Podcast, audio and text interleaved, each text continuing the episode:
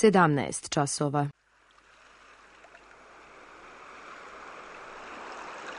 Radio Televizija Srbije. Radio Beograd 2.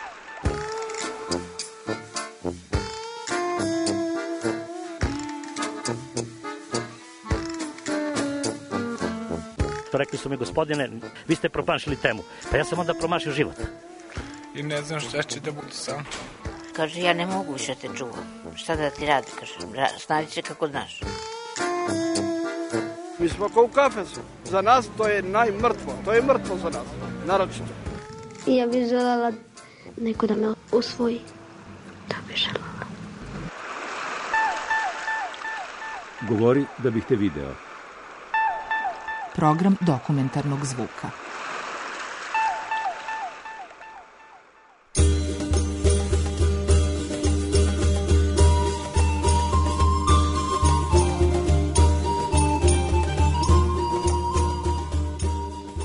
Smo da je vitez onaj koji ima svoj oklop.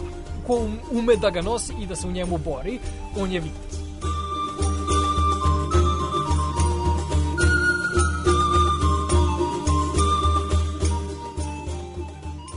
Stevan i Stefan, vitezovi 21. veka.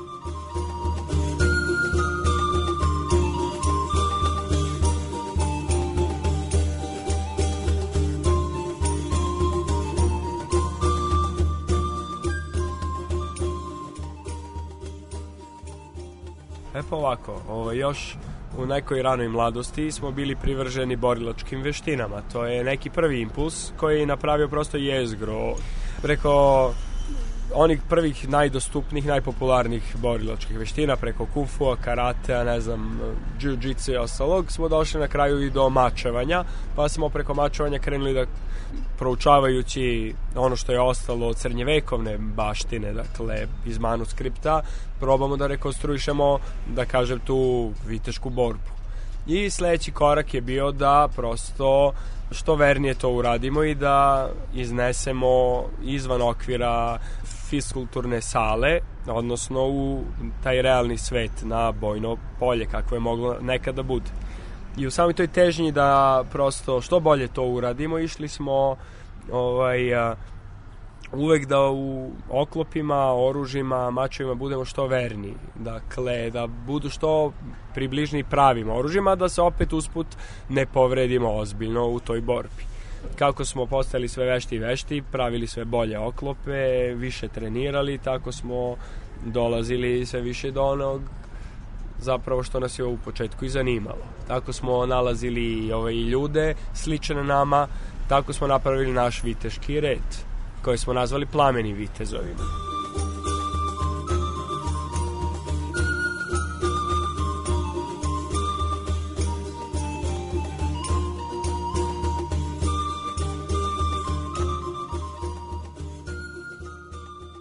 Kako sam se prosto selio, tako sam i svoje nakovanje vuku kolicima kao i svaki kujundžija i prokleti ciganin. Čak i porodična priča kako se dobro sećam, 1780-ih, kad su prvi ovi Stevanovići, koji su se tada zvali Karan, koji su bili kovači i kujundžije, dakle, prvenstveno kujundžije, pravili su vesele mašine, odnosno kazane za rakiju, su, ja mislim da mi je poreklo tad, kako je jedan od dedinih braća uspio da nađe, došao negde iz Prizrena, ali to je bilo koliko, pred 240 godina. Oni su se nastanili u Seobi na Jastrebcu i s jedne strane ostali u Blacu, s druge strane u Kruševcu. Tako da ja sam kruševljanin, ali ovaj, s obzirom da je živa porodica i da ima dosta ogranaka, dosta mojih ovaj, iz porodice se i dalje bave tim zanatom. Ja nikad nisam imao kontakta s tim. Prosto ni moj deda od kog sam nasledio radionicu nije živeo kao Kujundže. On je bio rengen tehničar u svom vremenu, ali je imao toliko veliku strast za tim alatom i toliko je alata skupio. Bilo su neka srećnija vremena, on je tada iz Nemačke donosio dosta tog alata, međutim, uvijek sam kao bio kreativan i to je nešto što kao vučem iz porodice. Ovaj, u jednom trenutku sam prosto sam krenuo da, ovaj, kad sam shvatio da deda neće mi iskuje mač, shvatio sam moram sam to da uradim. Tim svojim treninzima, uvek sam želeo da imam ono, ne samo jedan mač, nego mačeve, pa sekire, pa koplja, lukovi, strele i prosto sve to bilo dosta i redko i skupo, onako u jednom trenutku sam shvatio da moram da većinu napravim sam. Kad sam napravio prvi šlem, shvatio sam da hoću i drugačiji, da hoću i treći, sam napravio lep fancy oklop, onda sam shvatio da hoću i ovaj jedan drugi u kom mogu da se tučem i da ga habam i jednostavno sam krenuo da pravim oklope uh, sistemom greški, pokušaj greške, pokušaj greške. Osnovne stvari mi je deka pokazao, onda njegovi prijatelji, drugi dede, tako sam išao od kovača do kovača, od varioca do varioca. Dogovor je bio da završim fakultet, e, ok, sa tim sam ovako podmirio svoje roditelje, hvala im na svemu, pogotovo na razumevanju, ali eto, nekako na kraju sam se opet vratio svojim najvećim strastima. Preselio sam na radionicu iz Kruševca u Beograd pre pa boga mi četiri godine. Tad sam i presekao da ću se ovaj, time baviti profesionalno.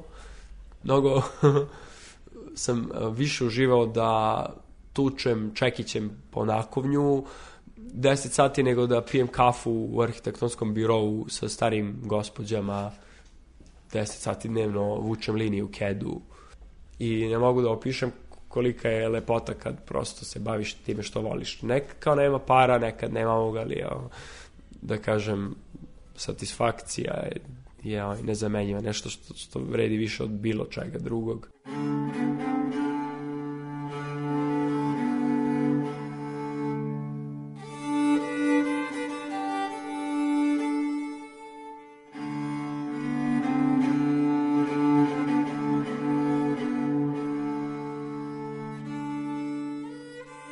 Otac je trenirao različite bojačke veštine i sa tri godine sam pronašao drveni mač za Aikido Boken i njime sam uspeo da razbijem luster na plafonu. Tako da, od, bukvalno od kada znam za sebe, me je oblik mača tog predmeta privlačio. Njegove čiste linije i geometrijsko savršenstvo je nešto što mu dodaje i lepotu pored toga što ga čini strašnim, jer zavisnosti od čovjeka koji ga drži može da bude oružje koje seje strah, užas i o, završava ljudske živote ili može da ih brani. I to je da gde sam ideal viteza, odnosno čoveka koji je odgovoran sa moći koju nosi, dolazi na scenu i tu onda dolaze sve arhetipske priče na, kojima se oslanja, na koje se oslanja i epska fantastika.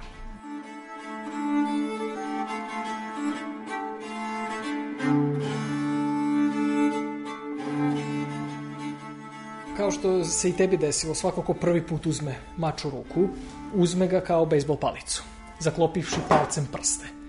Time, M, zaključavaš ruku i onemogućavaš sebi većinu pokreta, M, ako je mač teži, pogotovo kao ovaj primer koji je teži nego što bi istorijski mač bio, rizikuješ povredu ručnog zgloba ako promašiš udarac i pokušaš da zaustaviš na silu jer istežeš tetivu mač, pogotovo ravni mačevi iz Evrope, se uglavnom drže sa palcem na ćoštinici oštrice jer to omogućava da se zna orijentacija i jedne i druge oštrice kao i pera nakrsnice kojom se braniš gde onda posle napada jednom oštricom vrlo brzo možeš da napadneš drugom i da pređeš u ubod, a da sve vreme ne gledajući u mač znaš gde se nalazi i jedna i druga oštrica i pera nakrsnice kojima ćeš da se braniš.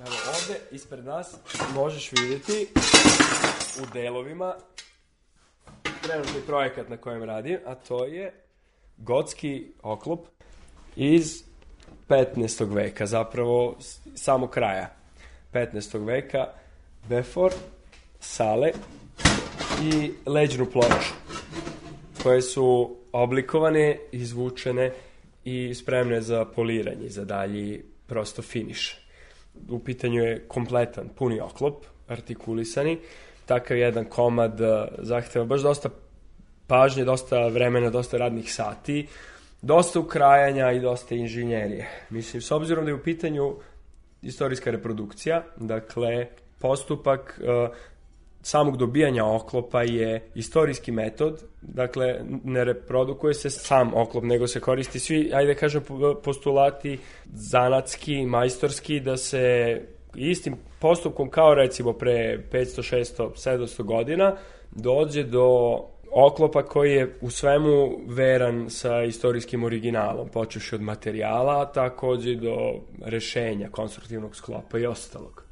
Sad, ovo što je interesantno za te gotske oklope, oni su prosto, da kažem, vrhunac epohe i maltene onako najromantični neki prikaz, prosto je onako ikonografski, gde god se vidi gotski oklop i onako baš zarobljava i u svojom lepotom i estetikom oko posmatrača. Karakteristični su po tim mnogostrukim eh, šarama i perforacijama koje imaju, koje su u duhu tog vremena, zapravo u, u vremenu kad su i, da kažem, gotske katedrale imale te uh, ukrase, različite florale, geometrijska rešenja i prosto su Nemci koji su od Italijana preuzeli rešenja za izradu oklopa, utkali nešto od svog duha i osjećaja za estetiku pored, dakle, kao estetskih tih nekih kvaliteta, ove perforacije na limu imaju i funkciju takođe da dodatno učvrste strukturu, tako da bi oklop mogao da bude olakšan, da bude recimo tanjeg materijala, tanjeg lima, da jednako čvrsto može da izdrži udarce.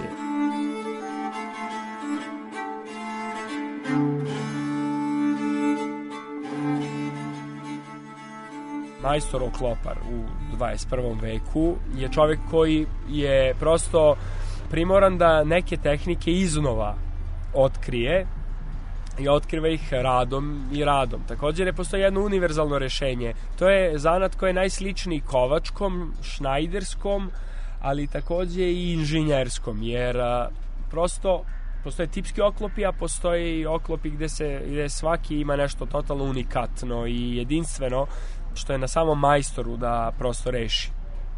Kad su u pitanju reprodukcije ili replike gde se replicira već postojeći neki komad, zahvaljujući internetu danas možemo da dođemo do dosta podataka. Recimo, pored fotografije koje su jel te, dvodimenzionalne i ovaj, daju nam taj neki izgled, siluetu, preseke određenog predmeta, jako je bitno za samog majstora da, da je dobar poznavac uh, nacrtne geometrije da jako dobro može da vizualizuje predmet u svojoj glavi. Zato što je ovaj pravljenje oklopa bukvalno oklopar je bukvalno vajar. On a, kovanjem vaja figuru i pravi je ovaj u metalu. A, kad istražujemo neki određeni predmet, čitamo specifikacije, opise, ljudi koji su imali sreću, dakle arheologa, da na određenom komadu rade, opise drugih, karakteristike i nekako što više imaš nepoznatih, sve ti je lakše da konačno rešenje zadatka i daš. Recimo, ako znaš da je šlem težak 3 ili 4 kg, onda ti je jasno da je lim koji ćeš koristiti negde oko 2 do 2,5 mm. Misli, to je prosto fizika, jel te, gustina materijala koji je takav.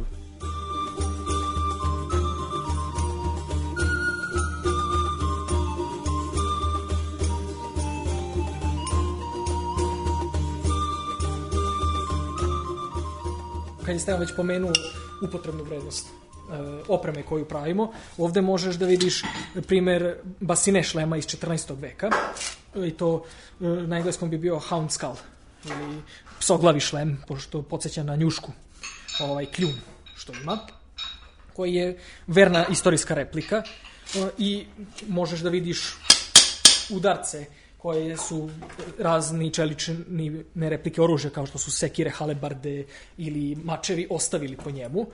A budući da je Stevan nosio taj šlem, kao što vidiš živ je zdravije, ali ono, i unutrašnjosti možeš da vidiš debelu vunenu kapu koja služi da upije udarce kao i kragvu koja je prekrivena verižnjačom ili brnjom, zavisi ko voli koji izraz brnja dolazi od nemačkog birnije, što je lanac ili lančanica, što bukvalno znači i verižnjače, jer veriga je stari izraz za lanac. Ja sam pleo ovaj, verižni okovratnik, koji je prišiven za kožu koju, kojom je pričušnja za šlem, a Stevan je iskovao šlem, oblikovao ga i kompletirao predmet. I to je bio deo njeg- njegove opreme za viteški turnir zvani Bitka nacija, gde smo učestvovali 2014. godine.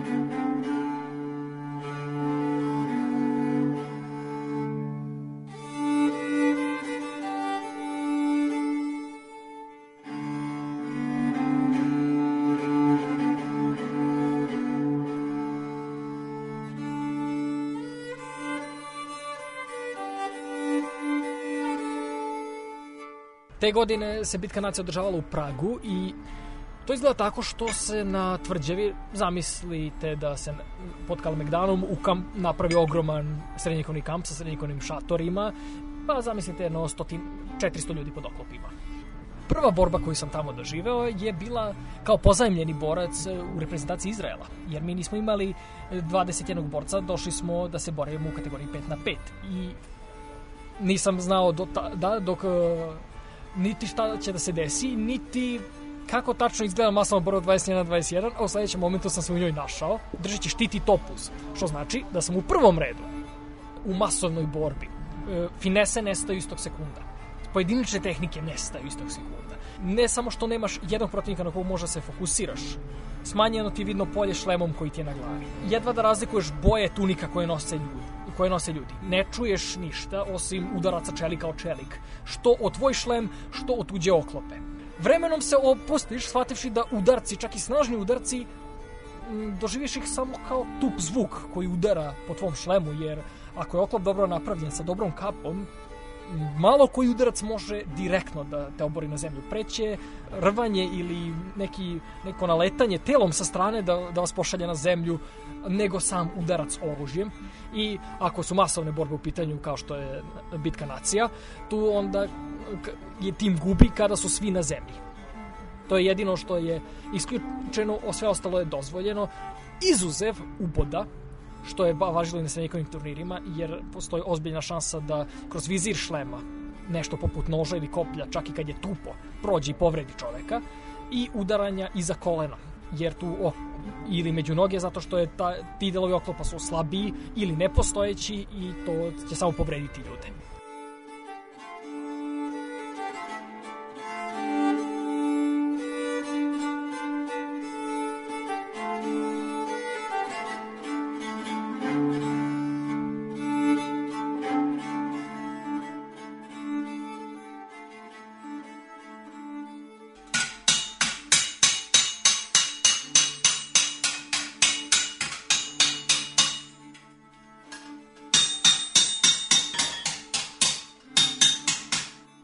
Oku kovanja se po zvuku može znati da li se komad iskiva pravilno, jer jedino ako zvoni na pravilan način, znači da se i udarac prenosi kako treba. Kad koveš metal onakovanj, uvek moraš da vodiš računa da se sam komad na kome se radi nikad ne bude uhvaćen između čekića i nakovnja, jer na taj način se tanji. U izradi oklopa gde već koristiš tanak lim, jer te jer za potrebe kovine lim diskutabilan, ali recimo debljine milimetar, milimetar i po dva, moraš da paziš da se ne istanji. I zaista dobri majstori uspevaju da oblikuju komad na taj način da ga prosto nikad ne, da im nikad ne pukne. Imamo nakovanje od 120 kila koji sam dobio od svog dobrog prijatelja i mentora Čika Zmije Kolje, njegovom dedi koji je žive u Knjaževcu, koji je bio oružar, dakle proizvodio je ilegalno oružje za vreme Srpsko-Bugarskog rata i prodavao ga jednim i drugima. Umro je jako mlad od ciroze jetre, ali je bio neverovatno dobar majstor. Nažalost, posle njega dosta dugo se niko nije bavio ovim zanatom, pa je nekako onako on trenutno dospeo u moje ruke uz naravno zakletu da ako jednog dana neko od njegovog naslednika odluči da se opet bavi kovačkim zanatom, vratit ću ga ili već neko od mojih naslednika. Vidimo sa desne strane u ćošku kovačku vatru, njom je kupio ćale, kupili smo je na nekom otpadu pre 10 godina, pogađali smo se sa ciganinom, na kraju je dao za mnogo manje pare. Najviše mi je trebalo vremena da pustim kolačku vatru u pogon. Jer nekako, dok sam ovaj, u Kruševcu staroj radionici baš imao namenjen prostor za to, Uh, u svim svojim selidbama, pošto sam često menjao prostore, nikako nisam mogao da se nateram da tu vatru kao pustim, kao evo je ovde konačno, pravi pršinu, čađ i čemer na sve strane. Međutim, uvek je veselo uz vatru, mi društvo prave patuljci, jedan dobar majstor ne može da živi bez patuljaka, ni rakije.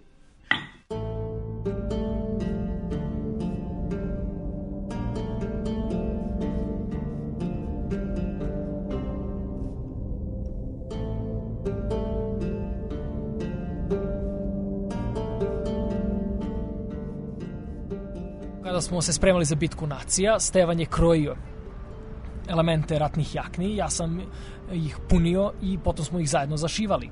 Da pri kostimima i tunikama ja sam radio opšivanja, vez i pravio platnenu dugmad koja je istorijski odgovarajuća za takve kostime, a Stefan, budući dobar sa konstrukcijnim elementima, je iskrajao i secao delove koje sam posle sastavljao.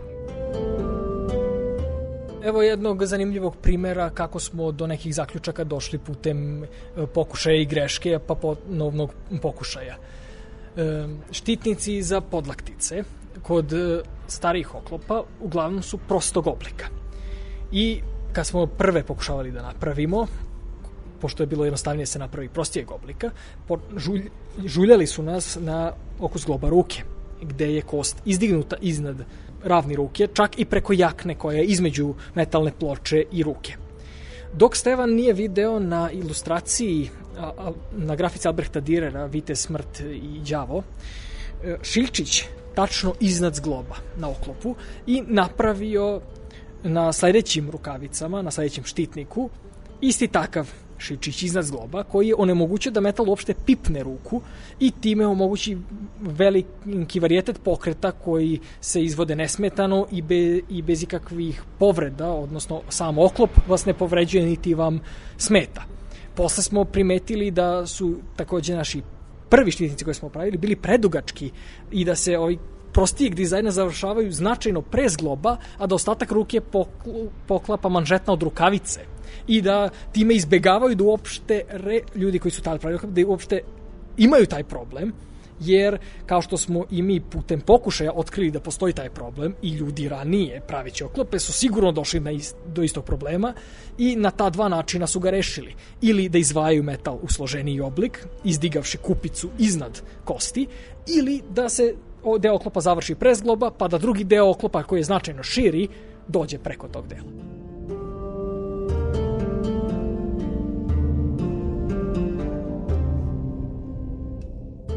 Istorija oklopa je stara koliko istorija ratovanja i sećam se nekih najstarijih komada oklopa i još iz drevnog Egipta gde uh, su ovako majstori maštovito ovaj, od tela celog odraslog krokodila, napravili grudni oklop samo što, i, tako što smo ocekli glavu i noge i nosili ostatak na svom telu. S tim što je vrhunac inženjerije doživeo u renesansi oklop, jel te?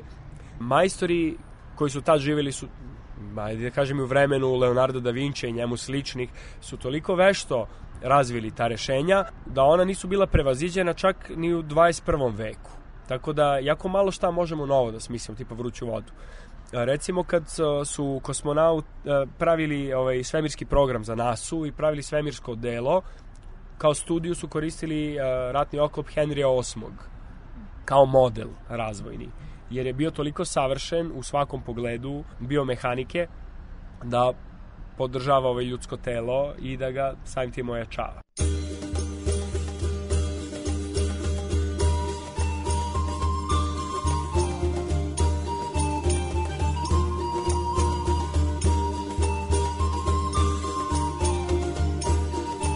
Sećam se da mi je otac rekao jednom da zbog te moje grube prirode e, ja stvarno umem nekad da, da, da, da budem onako da totalno odem u svoj svet samo sa čekićem i nakovnjem i da, da kovem, kovem, kovem, kovem satima zatucano i tvrdoglavi kao Ćale je rekao da se najbolje zadržim na srednjem veku jer ako nekad budem otišao na barut da će mi to biti kraj.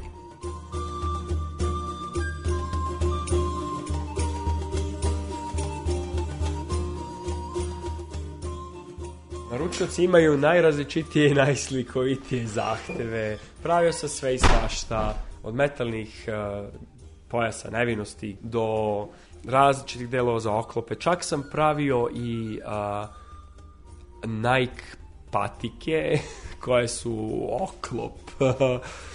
da, jako interesantna naručbina. Lik mi je donao Nike patike za koje traže da ih okovem, da budu ono, metala i da se oboje kao Nike patike. Ljudi žele da imaju recimo reprodukcije nekih omiljenih predmeta iz filmova, recimo iz gospodara prstenova, one šlemove Nazgula ili nek uh, mač, recimo Hobita, Aragorna, iz uh, videoigrica, recimo Skyrima i pravio sa spartanske šlemove kad je bilo uh, popularan film 300 A takođe radim i noževi, sekire i ostale stvari. Eto, svoj komšinici Bakamiri sam pravio kuhinski nož, onako, ili ona rekla da je pre u Sarajevu imalo dobrih majstora koji su mogli da napraviti tako dobar čelični nož koji se ne tupi, a danas su Kinezi preplavili tržište. Eto, za nju sam bio napravio specijalan nož.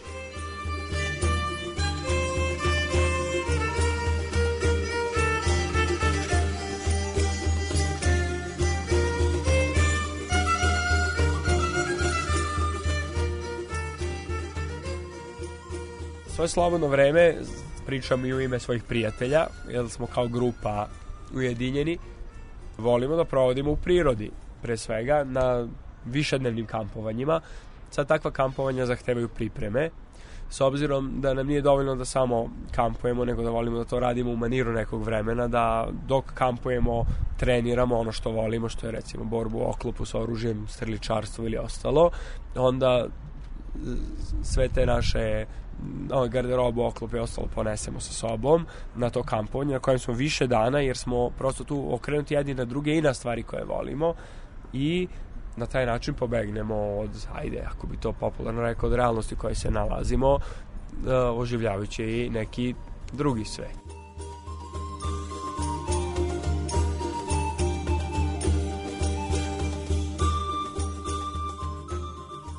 2013. smo imali najbolje izvedenu ratnu igru, da nazovemo veliki scenario tako, gde smo 24 sata bili u igri, da tako kažem, odnosno u paralelnoj realnosti koju smo napravili svojom maštom, gde je jedan deo ekipe čuvao tvrđavu Maglič kod Kraljeva, a ostatak ekipe pokušavao da je osvoji, bukvalno. Iako je tvrđava stvarno na vrhu brda i sam uspon do nje je težak, izvor vode se nalazi dole, blizu kampa oni koji opsedaju. Što će reći da oni koji su u tvrđavi, ako im zafali vode ili nečeg drugog, moraju da izađu iz tvrđave i da stvarno pokušaju da je donesu, ili hranu ili vodu, bez da budu uhvaćeni ili pogubljeni pod navodnicima u igri od strane ljudi koji opsedaju. A ceo teren okolo je prostor za igru, 24 sata i to je bilo najuspešnije kampovanje tog tipa. To je prosto jednom godišnje gde mi odlučimo da budemo likovi iz emske fantazije. Kako to drugi ljudi vide? Pa, to je na drugim ljudima. Naše, naše je da se zabavimo koliko god možemo za tih nekoliko dana koje uspemo da odvojimo, a preko ostatka godine smo ljudi koji se bave svojim poslovima. Bilo su to zanatski poslovi kao što se ja bavim rezbaranjem kože ili Stevan izradom metalnih predmeta i drugi ljudi rade svoje stvari, neki završavaju studije ili su ih završili prosto svako ima svoj život, a onda ti oko, uglavnom posle, malo posle 1. maja se jedan vikend, orga, produženi vikend organizujemo da napravimo to druženje kod tvrđave Maglič koja je dobro očuvana i samim tim nam omogućava da se lakše uživimo u srednji vek ili epsku fantaziju vezanu za srednji vek.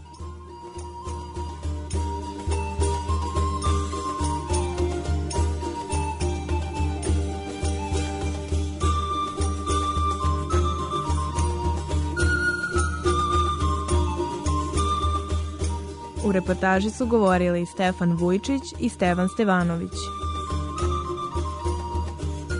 Ton majstor Ognjen Škrbović, autor Milena Radić.